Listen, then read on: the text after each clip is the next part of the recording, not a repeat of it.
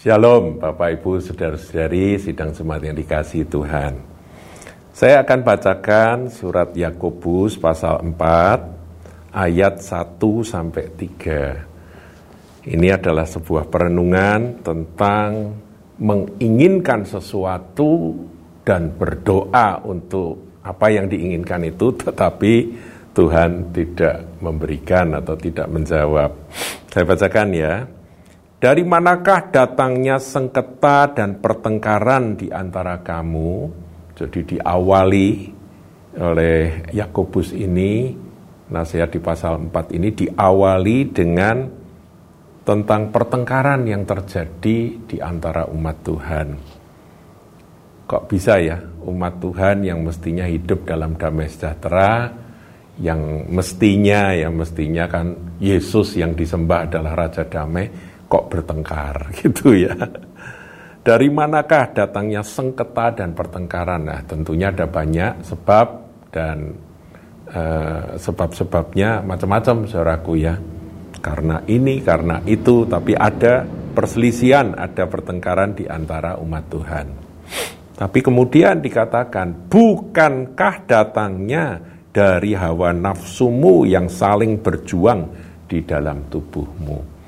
Jadi ada hawa nafsu, nafsu untuk ya merasa dia lebih utama, ya merasa direndahkan, nggak terima terjadi pertengkaran. Nafsu untuk berkuasa, nafsu untuk menduduki posisi yang lebih tinggi, ya seperti itu saudaraku yang dimaksudkan oleh Yakobus. Macam-macam saudara. Eh, perselisihan tersinggung, nafsu apa itu pride atau uh, ini kebanggaan diri yang merasa dilecehkan, marah, terjadilah pertengkaran. Tapi kemudian uh, Yakobus me, me, menulis akan ayat yang kedua kamu mengingini sesuatu, tetapi kamu tidak memperolehnya. Lalu kamu membunuh. Membunuh ini tidak dalam arti bawa pisau kemudian membunuh, enggak. Membunuh macam-macam, bisa membunuh karakter ya, karakter assassination. Ya, dia memfitnah akan saudaranya, uh, menjelek-jelekan supaya saudaranya itu jatuh gitu ya. Jadi membunuh. Kamu iri hati. Kenapa dia sampai seperti itu? Karena iri. Saudaraku, iri hati itu jahat sekali. Kita ini tiap hari berperang melawan iri hati, saudara. Bangun tidur, doa, minta Tuhan jagai aku supaya aku tidak iri terhadap siapa pun juga. Jadi kalau ada iri hati, nah itu berarti kita perlu bertobat saudaraku ya. Minta Tuhan cabut itu iri hati. Iri hati bisa menghinggapi siapa saja. Bisa muncul di hati siapa saja. Nggak peduli remaja, anak kecil, remaja, orang dewasa, bahkan orang tua pun bisa iri hati, saudaraku ya. Melihat orang lain lebih hebat, melihat orang lain lebih dimuliakan, melihat orang lain lebih diberkati, sampai ada yang bilang iri hati itu menjadi kurus karena orang lain gemuk gitu ya. Artinya orang lain diberkati kok kamu kok kok jadi panas dingin itu kenapa gitu loh. Itu iri saudaraku ya. Tetapi kamu tidak mencapai tujuanmu. Nah ini masalah keinginan tujuan. Orang itu punya tujuan dalam hidup ini nggak salah saudaraku. Orang sekolah kan dia harus mencapai tujuan harus lulus. Kalau dia bekerja dia mencapai tujuan untuk sukses. Itu nggak salah. Tetapi dikatakan kalau ada iri hati di dalam perjalanan kita mencapai tujuan, nah itu berbahaya.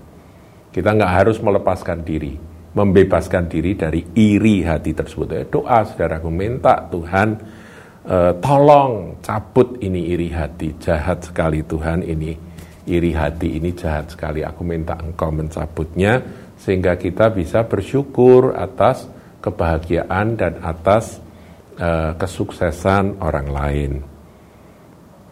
Nah, mencapai tujuan tadi ya kita sudah bahas itu nggak salah. Tetapi dalam mencapai tujuan dikatakan tidak segera memperoleh apa yang diharapkan, lalu kamu bertengkar. Lah ini yang nggak boleh, saudaraku.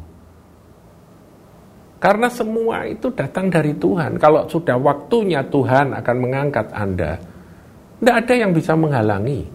Nggak usah bertengkar. Nanti kan pasti Anda akan e, kemajuan, ngalami pengangkatan. So, bukan dari barat, bukan dari timur, bukan dari padang gurun, datangnya peninggian itu ya. Nggak usah ngotot-ngototan lah. Demikian e, Mazmur 75 katakan.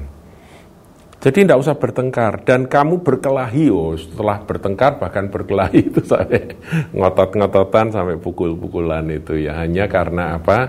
Karena jengkel apa yang dia eh, harapkan tidak tercapai, menjadi tujuannya tidak kunjung diraih gitu ya. Kamu tidak memperoleh apa-apa karena kamu tidak berdoa. Lah di sini Rasul Yakobus mengajarkan Ayo toh daripada kamu bertengkar, daripada kamu iri, daripada kamu nyalah-nyalahkan orang lain, berdoalah. Kesuksesan itu datang dari sorga. Pencapaian tujuan itu datangnya dari Tuhan. Tuhan yang akan memberi pada waktunya. Jadi eh, berdoa. Nah ini dikatakan kamu tidak memperoleh apa-apa karena kamu tidak berdoa. Orang-orang yang tadi dikatakan iri hati, kemudian sampai membunuh, membunuh karakter dari orang lain, saudaranya, kemudian tidak mencapai tujuan, terus bertengkar dan berkelahi, itu semua adalah e, cara iblis untuk membuat anak-anak Tuhan itu seakan-akan ya, sudah jadi orang Kristen tapi seakan-akan bahwa dia untuk meraih keberhasilan itu semua tergantung pada uh, ini apa perjuangan dia. Nah akhirnya dia berjuang memakai daging, bukan dengan doa. Mestinya doa, Roh Kudus kasih hikmat, dia bergerak sesuai pimpinan Roh Kudus, maka progresnya jelas. Tapi ingat, untuk bisa mendapatkan progres ada proses. Nah, prosesnya itu harus membuang iri hati. Tidak boleh bertengkar, harus hidup dalam damai, apalagi berkelahi gitu ya. Ya ini saudaraku. Nah kemudian ayat 3, atau kamu berdoa juga. Jadi ada juga orang-orang yang suka ribut, suka bertengkar, suka berkelahi, begitu yang oh, suka uh, apa itu uh, demi hawa nafsunya dia bertengkar, kemudian dia berkelahi. Ada orang seperti itu, tapi juga berdoa. Saudara saya ketemu dengan jenis orang seperti itu. Jadi dia berdoa, doanya khusuk sungguh-sungguh, tapi bertengkarnya juga juga sadis gitu. nah ini dia berusaha menggabungkan antara yang rohani dengan yang jasmani, yang kedagingan dengan yang rohani. Nah apa hasilnya? Atau kamu berdoa juga tapi kamu tidak menerima apa-apa. Jadi di dalam berdoa, saudara perhatikan ayat 3 ini. Karena kamu salah berdoa, Sebab yang kamu minta itu hendak kamu habiskan untuk memuaskan hawa nafsumu. Jadi dalam berdoa satu perkara. Kita harus cek Tuhan yang aku minta dari engkau ini sebetulnya adalah un, ada unsur hawa nafsu untuk aku ini mencari kepuasan, kepuasan, kebanggaan atau apa pun juga. Kalau masih ada itu bertobat dulu saudaraku untuk apa kita dapat itu semua? Itu yang dicari oleh orang-orang yang tidak memiliki Kristus. Ajaran dari Tuhan Yesus adalah belajarlah daripadaku karena aku lemah lembut dan rendah hati. Jangan saudara mengejar sesuatu tapi untuk dirimu sendiri, untuk kepuasan hawa nafsumu sendiri.